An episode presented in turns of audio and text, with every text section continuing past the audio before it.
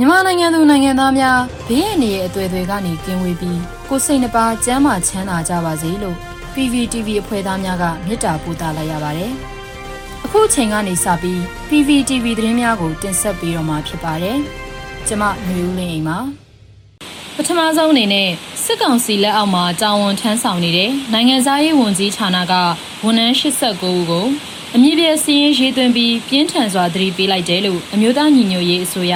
နိုင်ငံသားရေးဝန်ကြီးဌာနကအမိန့်ကြေညာစာထုတ်ပြန်လိုက်တဲ့သတင်းကိုတင်ဆက်ပေးပါမယ်။တန်အမတ်တွေတန်မှုတွေနဲ့ကောင်စစ်ဝင်ချုပ်တွေအပါအဝင်စစ်ကောင်စီလက်အောက်မှာတာဝန်ထမ်းဆောင်နေတဲ့နိုင်ငံသားရေးဝန်ကြီးဌာနကဝန်ထမ်း89ဦးကိုအမြင့်ပြည့်စည်ရင်ရေးသွင်းပြီးပြင်းထန်စွာသတိပေးလိုက်တယ်လို့အမျိုးသားညီညွတ်ရေးအစိုးရနိုင်ငံသားရေးဝန်ကြီးဌာနကယနေ့အမိန့်ကြေညာစာထုတ်ပြန်လိုက်ပါတယ်။ အမည်ပြစီးရင်ရေးသွင်းပြီးပြင်းထန်စွာသတိပေးလိုက်တဲ့ဝန်ထမ်းတွေနဲ့တန်အရာရှိတွေရဲ့အမည်စင်းတွေကိုလည်းပူးတွဲထုတ်ပြန်ခဲ့တာဖြစ်ပါတယ်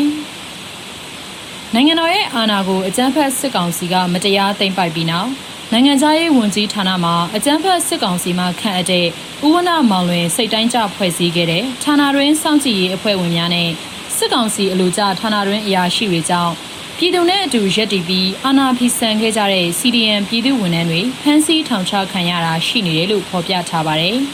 ။အယက်သားအစိုးရကိုထောက်ခံခဲ့သူတွေသူတို့စိတ်ချယုံကြည်ခြင်းမရှိတဲ့တက်ကြွလှုပ်ရှားသူဝန်ထမ်းတွေဌာနတွင်းနေရာပြောင်းရွှေ့ခံရတာ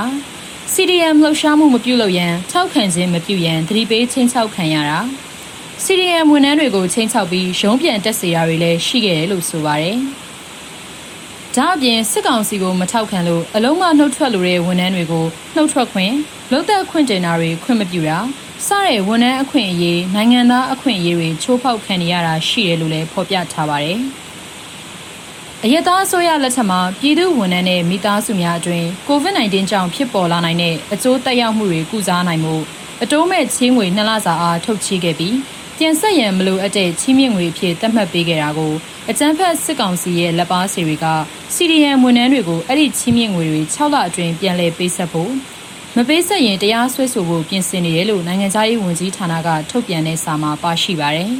။အလားတူအယက်သားအစိုးရလက်ချက်မှာပြည်ပကိုပညာတော်သင်တွားရောက်ခဲ့ပြီးမိခင်ဝန်ကြီးဌာနမှာပြန်လည်တာဝန်ထမ်းဆောင်ရမယ်တတ်မှတ်ကာလမပြည့်မီ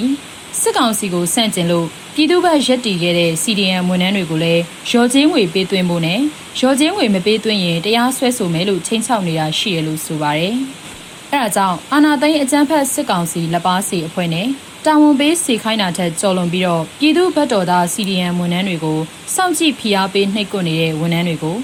အမြင့်ပြည့်စည်ရင်ရေးသွင်းပြီးပြင်းထန်စွာသတိပေးခဲ့တာလို့ဖော်ပြထားပါတယ်။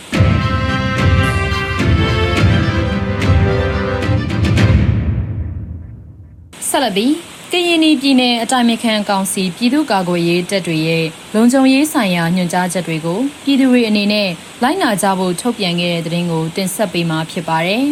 ။ပြည်သူ့ကာကွယ်ရေးတပ်တွေရဲ့လုံခြုံရေးဆိုင်ရာညွှန်ကြားချက်တွေကိုပြည်သူတွေအနေနဲ့လိုက်နာကြဖို့ကရင်ပြည်နယ်အတိုင်းအခံကောင်စီ KSCC ကထုတ်ပြန်ခဲ့ပါတယ်။ အမျိုးသားညီညွတ်ရေးအစိုးရကစက်တင်ဘာလ9ရက်နေ့မှာစစ်အာဏာရှင်စနစ်အပြီးတိုင်ဖျက်သိမ်းရေးအတွက်နိုင်ငံတော်အရေးပေါ်အခြေအနေကြေညာခဲ့လို့ကရင်ပြည်ကယားပြည်နယ်မှာလည်းစစ်ရှိန်မြင့်တက်လာနိုင်ပြီးတိုက်ပွဲတွေပုံမဖြစ်ပွားလာနိုင်တာကြောင့်ပြည်သူတွေဂရုပြုလိုက်နာရမယ့်အချက်တွေကို KSCC ကစက်တင်ဘာလ10ရက်နေ့မှာထုတ်ပြန်ခဲ့တာဖြစ်ပါတယ်။ကရင်ပြည်သူတွေအနေနဲ့စိုးရိမ်ထိတ်လန့်ခြင်းမရှိဘဲမိမိတို့ရဲ့လုံခြုံရေးကိုအထူးဂရုပြုကြဖို့ပြည်သူ့ကာကွယ်ရေးတပ်တွေဖြစ်တဲ့ကရင်တပ်မတော် KA ကရင်နီအမျိုးသားကာကွယ်ရေးတပ်ဖွဲ့ KNDF နဲ့ပြည်သူ့ကာကွယ်ရေးတပ်ဖွဲ့ PDF တွေရဲ့လုံခြုံရေးဆိုင်ရာညွှန်ကြားချက်တွေကိုစနစ်တကျလိုက်နာကြဖို့ KSCC ကဆိုပါတယ်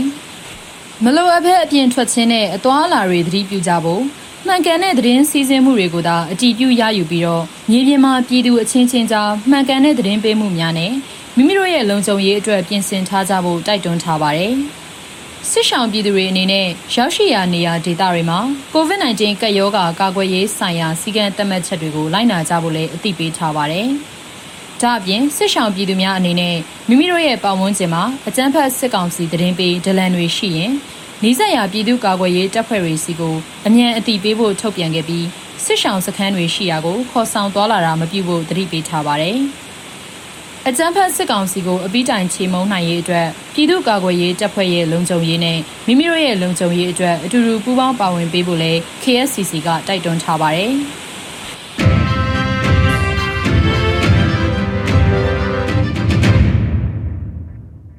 အကြမ်းဖက်ဆေးအုပ်စုနဲ့ဖြစ်တဲ့တိုက်ပွဲတွေကိုအွန်လိုင်းပေါ်အလင်းစလိုမတင်မှုကရင်အမျိုးသားအစည်းအရုံး KNU ကမြစ်တာရက်ခံချက်ထုတ်ပြန်ခဲ့တဲ့သတင်းကိုတင်ဆက်ပေးမှာဖြစ်ပါတယ်။ KNU လက်အောက်ခံကရင်အမျိုးသားလွတ်မြောက်ရေးတပ်မတော် KNLA နဲ့အကြမ်းဖက်ဆေးအုပ်စုတို့ကြားတိုက်ပွဲဖြစ်ပွားတာ KNLA ကအကြမ်းဖက်ဆေးအုပ်စုရဲ့တပ်စခန်းတွေတိုက်ခိုက်သိမ်းယူတာတွေကိုကြားသိရရင်အွန်လိုင်းပေါ်အလင်းစလိုမတင်ဖို့မြစ်တာရက်ခံတယ်လို့ KNU ဗဟိုသတင်းနဲ့တင်ကြားရေးဌာနကစက်တင်ဘာ9ရက်မှာထုတ်ပြန်ခဲ့တာပါ ပြစ်ခတ်တိုက်ခိုက်မှုဖြစ်ပွားပြီးတဲ့နောက်ဖြစ်စေစခန်းသိမ်းယူပြီးတဲ့နောက်မှာဖြစ်စေစစ်ရေးအစီအစဉ်အရ KNLA ကဆက်လက်လှုပ်ဆောင်ရမယ့်အရာတွေရှိတဲ့အတွက်ကြောင့်စစ်ရေးလှုပ်ရှားမှုအကြောင်းအရာကိုအွန်လိုင်းပေါ်အလင်းစလိုတင်ပြီးဖြန့်ဝေလိုက်ရင်ရန်သူကိုသတင်းပေးပို့ရသူတက်ရောက်ပြီးစစ်မြေပြင်မှာ KNLA ဆက်လုပ်ရမယ့်စစ်ရေးအစီအစဉ်တွေကိုထိခိုက်မှုဖြစ်စေနိုင်တယ်လို့အသိပေးထားပါတယ်။ပုံမှန်အားဖြင့် KNLA နဲ့အကြမ်းဖက်စစ်အုပ်စုတို့တိုက်ပွဲဖြစ်ပွားပြီးတဲ့နောက်ပိုင်းမှာ အကြမ်းဖက်စစ်အုပ်စုဟာလေရင်နဲ့လာရောက်ဘုံကျဲပစ်ခတ်တာ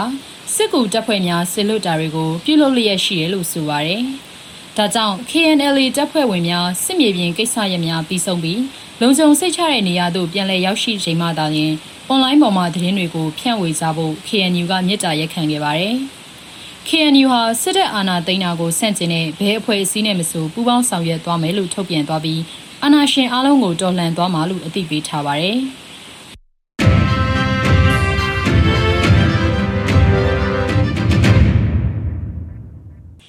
ခုနောက်ဆုံးအနေနဲ့အမျိုးသားညီညွတ်ရေးအစိုးရကာကွယ်ရေးဝန်ကြီးဌာနကစက်တင်ဘာလ10ရက်နေ့တိုက်ပွဲသတင်းအကျဉ်းချုပ်ကိုထုတ်ပြန်ခဲ့တဲ့သတင်းကိုတင်ဆက်ပေးမှာဖြစ်ပါတယ်။ဆီယနာရှင်စန့်ကျင်ရေးပြည်သူလူထုရဲ့ခုခံတော်လှန်စစ်နဲ့ပတ်သက်ပြီးစက်တင်ဘာ10ရက်စစ်ရေးသတင်းတွေကိုအမျိုးသားညီညွတ်ရေးအစိုးရကာကွယ်ရေးဝန်ကြီးဌာနကထုတ်ပြန်ခဲ့ရမှာ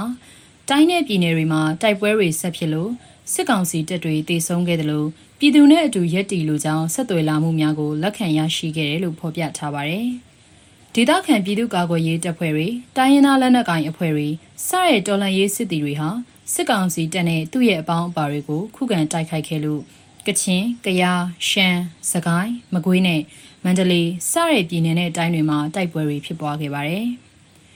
အာနာသိန်းစစ်ကောင်စီဘက်မှ16ဦးသေဆုံးပြီး9ဦးဒဏ်ရာပြင်းထန်ခဲ့တယ်လို့စက်တင်ဘာ10ရက်ညနေပိုင်းအထိရရှိထားတဲ့မြေပြင်သတင်းနဲ့သတင်းဌာနတွေရဲ့ဖော်ပြလာတဲ့အချက်အလက်တွေကိုကာကွယ်ရေးဝန်ကြီးဌာနကပြုစုထုတ်ပြန်ထားပါတယ်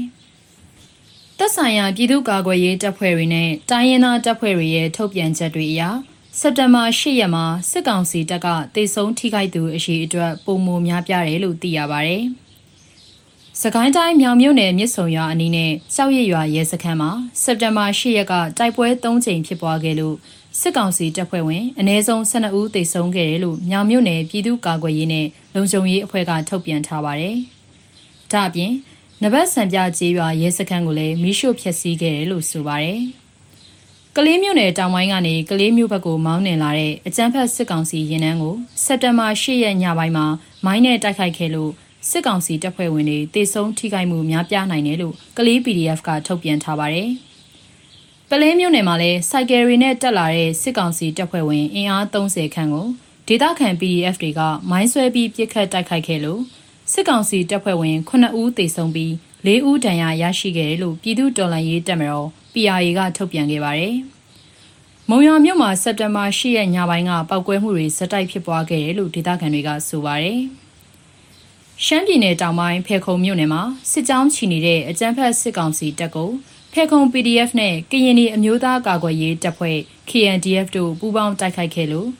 စစ်ကောင်စီတပ်က9ဦးသေဆုံးခဲ့တယ်လို့ KNDF ကထုတ်ပြန်ခဲ့ပါတယ်။ကချင်ပြည်နယ်တနိုင်းမြို့နယ်တနိုင်းရှင်ပွေရန်လမ်းမှာစစ်ကြောင်းထိုးလာတဲ့အင်အားတရာခန့်ရှိတဲ့စစ်ကောင်စီတပ်ကိုခုခံတိုက်ခိုက်ခဲ့တယ်လို့ကချင်လက်နက်ကိုင်အဖွဲ့ KIA ရဲ့သတင်းနဲ့ပြန်ကြားရေးဌာနကကချင်နက်ဘာမီစ်မှာ ဖော်ပြခဲ့ပါတယ်။အဲ့ဒီတိုက်ပွဲမှာစစ်ကောင်စီဘက်ကတေဆုံးထိခိုက်မှုတွေရှိတယ်လို့လည်းကချင်ဒေသအခြေစိုက်သတင်းဌာနတွေကဖော်ပြခဲ့ပါတယ်။ဒါ့အပြင်လာရှိုးကနေစစ်ရင်အားစစ်အုံဆောင်တွေတင်လာတဲ့စစ်ကောင်စီတပ်ရဲ့စစ်ကားဆယ်စီးကိုလည်း KIA ကခြုံခိုတိုက်ခိုက်ခဲ့တယ်လို့ကချင်နဲ့ဘာမစ်ကဖော်ပြထားပါတယ်။မကွေးတိုင်းရေစကြိုမြို့မှာလည်းစက်တင်ဘာ10ရက်ညနေပိုင်းကစစ်ကောင်စီရင်နှန်းကိုမိုင်းခွဲတိုက်ခိုက်ခဲ့တယ်လို့ရေစကြို PDF ကထုတ်ပြန်ထားပါတယ်။ ရန်ကုန်နဲ့မန္တလေးအပါအဝင်ဒေသအသီးသီးမှာလည်းစစ်ကောင်စီတပ်နဲ့သူ့ရဲ့လက်ပါစီတွေကိုဘုံခွဲတိုက်ခိုက်မှုတွေလှုပ်ဆောင်ခဲ့တယ်လို့လည်းသတင်းဖော်ပြချက်တွေမှာတွေ့ရပါတယ်။ရေတော်ဘုံအောင်ရမည်ရေတော်ဘုံအောင်ရမည်